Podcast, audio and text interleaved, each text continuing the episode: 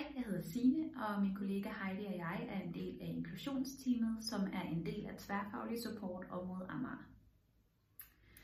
Vi har lavet nogle inspirationsvideoer omkring pædagogisk notat, som er ment som en inspiration til udfyldelse af arbejdsarket.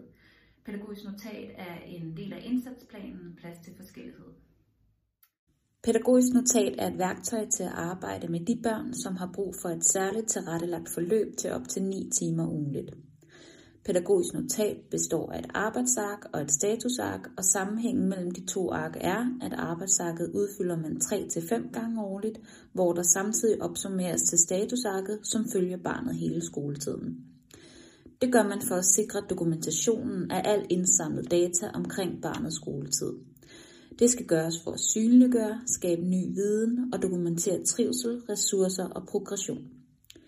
Pædagogisk notat skal udfyldes af lærerteamet og eventuelt i samarbejde med vejlederne på skolen. I det pædagogiske notat lægges der i høj grad vægt på barnets ressourcer, så det sikres, at der skabes løsningsorienteret deltagelse og læringsmuligheder.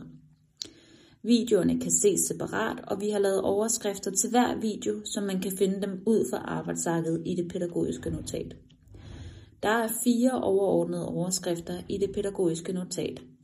De hedder beskrivelse af praksis, handleplan for eleven, evaluering af indsats og ny viden i teamet.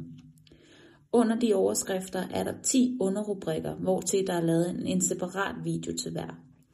De hedder bekymring, undersøgelse af data, ressourcer, undtagelser, mål for elevens deltagelse, ressourceinddragelse, indsats, dokumentation af indsats, refleksioner i teamet og til sidst fælles didaktisk og pædagogisk tilgang i teamet og på tværs af årgangen.